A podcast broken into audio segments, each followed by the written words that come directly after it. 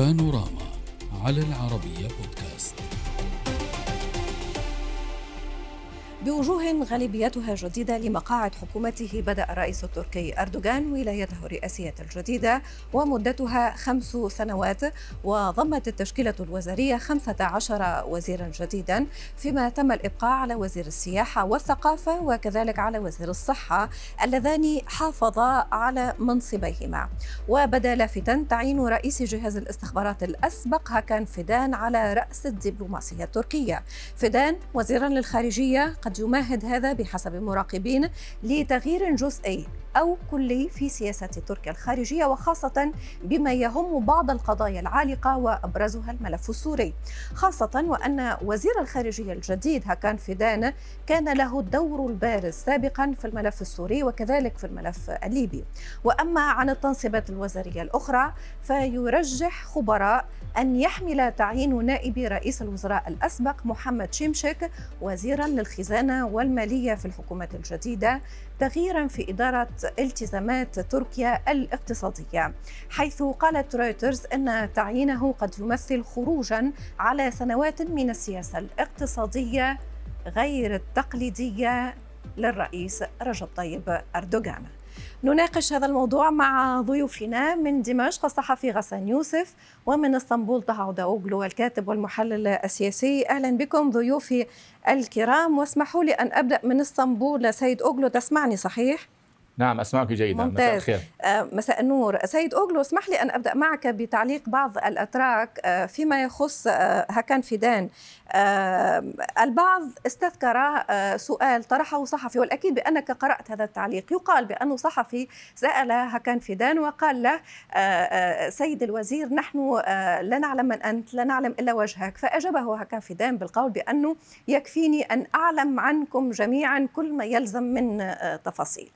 التصريح في الواقع أن يقوله رجل مخابرات عادي ولكن أن يقوله رجل استلم منصب وزارة الخارجية وهو المعني بالتصريحات والحضور الإعلامي. فسؤال مطروح هل يمكن أن ينجح رئيس مخابرات سابق في تقلد هكذا منصب حساس كذلك؟ نتحدث عن رأس الدبلوماسية.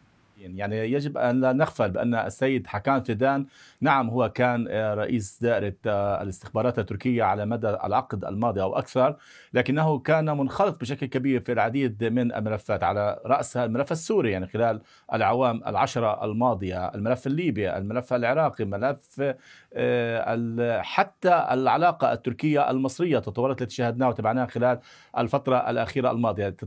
تتابعين ولاحظت خلال يعني السنوات الماضية الأمور يعني هي كانت أمنية بشكل كبير يعني كان تبدأ الشق الأمني ومن ثم تتحول إلى الشق السياسي. لذا أنا بتصور السيد حكام فيدان هو يعني كان يعني يعلم يعني كما ذكر آه، فيما يتعلق بالمواطنين ولكنه يعلم بملفات آه، المنطقة بشكل كبير وعلى وجه الخصوص يعني الملف السوري, السوري. وخاصة كما تابعنا في ديسمبر الماضي تتذكرين أول اجتماع على مستوى وزراء الدفاع عقد في موسكو كان برفقة وزير الدفاع التركي آنذاك حكام فيدان سيد غسان هل ترى كضيفي بأنه آه، موقع غسان غسان هكان فيدان آه، آه، حضوره فيما قبل كذلك في المحادثات الاستخباراتية فيما يتعلق بالملف السوري قد يساهم في حلحلة هذا الموضوع وهذه الأزمة؟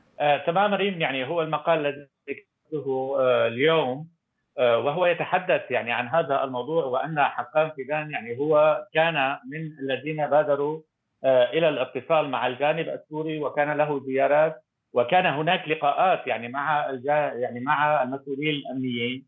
ولذلك أعتقد اليوم يعني بأن يعني الملف سينتقل معه إلى وزارة الخارجية. وهنا يعني ربما سيكون هناك آه، أعتقد نوع من التفاهم بين البلدين خصوصا يعني أن الوسيط الروسي آه، يدخل بشكل قوي وحتى الوسيط الإيراني. ومن مصلحة البلدين أعتقد يعني أن تتقدم المفاوضات آه، باعتبار أن يعني مساله اللاجئين تؤرق البلدين آه، ويسعون إلى حل، أيضا هناك مشكلة آه، يعني تفكيك المجموعات الإرهابية ومواجهة المجموعات الانفصالية في شمال شرق سوريا. ولذلك يعني هذه التشكيلة الوزارية اليوم يعول عليها أنها يعني أنها تعرف الملف السوري بشكل كامل وأنها تستطيع أن تتعامل يعني مع المسؤولين نعم. طيب. في الدولة السورية. طيب.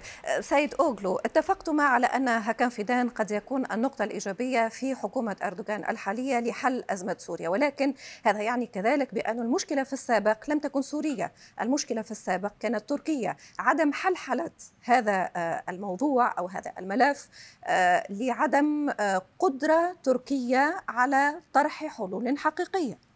نعم يعني هناك كان في السابق تتذكرين يعني كان هناك قلق وخوف تركي فيما يتعلق بالمجموعات الإرهابية. تتذكرين أنقرة شنت عمليات عسكرية منذ عام 2016 أخيرا كان في 19 ومن ثم كان العام الماضي تابعنا سويا. كان هناك تهديدات دائما يتخذ رئيس التركي رجب طيب اردوغان بشأن عملية عسكرية لملاحقة عناصر آه، قوات آه، قسد. آه، لذا أنا بتصور أعتقد بعد هناك التطور أو المسار الجديد في العلاقة ما بين أنقرة ودمشق وبرعايه روسيه خلال الأشهر الأخيرة الماضية. أنا بتصور أنقرة بعد الانتخابات وبعد الفوز الرئيس سيد أردوغان؟ سيد أوغلو ما أقصده هو طالما اتفقتما على أن هذا الشخص قادر أن يأتي بالحل وهذا الشخص أتى بعد تحوير وزاري أو بعد حكومة جديدة. فالمشكلة في تأخر الحل تتحمله تركيا وليس سوريا. هذا السؤال.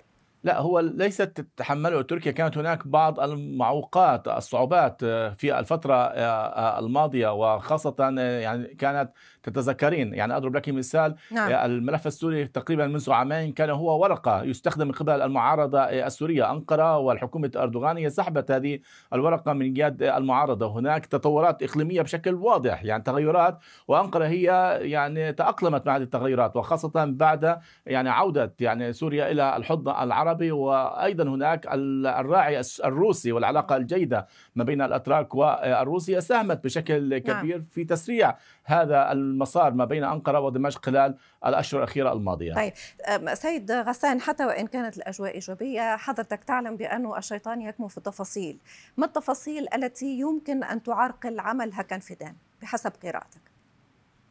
ريمي لا يمكن القول يعني أن الأجواء آه، إيجابية كثيرا. يعني تعرفين دائما كما قلت حضرتك بان يعني الشيطان يكمن في التفاصيل والتفاصيل. يعني بين الجانبين هي كثيرة وكثيرة. يعني هناك تراكم حوالي 12 عاما.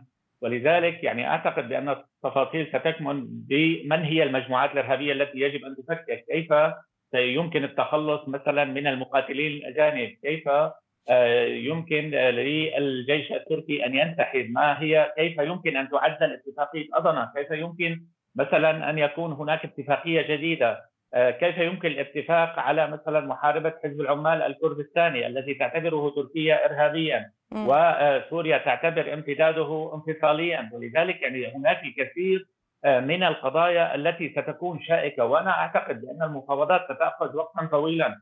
وربما يعني سنوات ولكن على عكس أنا ما يطرحه السيد أوغلو على فكرة أنا لما طرحت فكرة الأجواء إيجابية لأنه السيد أوغلو قال وكأنه هناك جو إيجابي شيء إيجابي آه، أضافته هذه الحكومة الجديدة. ولكن يبدو سيد أوغلو بأن التقييم مختلف بين آه، الأتراك والسوريين فيما يتعلق بتوصيف هذه المرحلة إن كانت إيجابية أو إن كانت تتضمن عراقيل عديدة.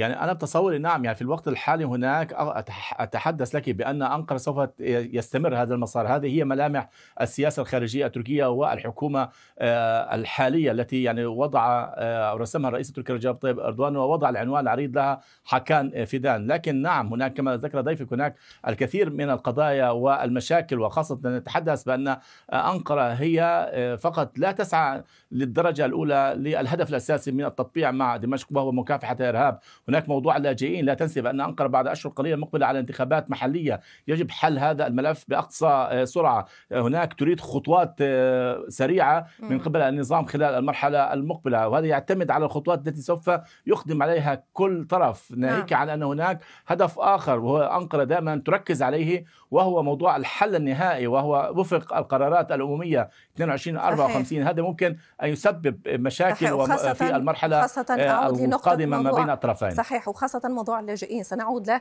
الأكيد في حلقات أخرى. سأكتفي معكم بهذا القدر على أن نناقش كل هذا المسار ولكن في حلقات أخرى. شكرا جزيلا على المشاركة من دمشق الصحفي غسان يوسف ومن إسطنبول عودة أوغلو الكاتب والمحلل السياسي. شكرا لكما. السلام عليكم.